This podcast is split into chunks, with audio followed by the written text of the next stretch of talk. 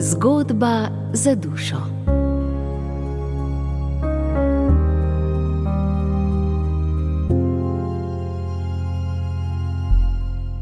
Kesanje in pokora.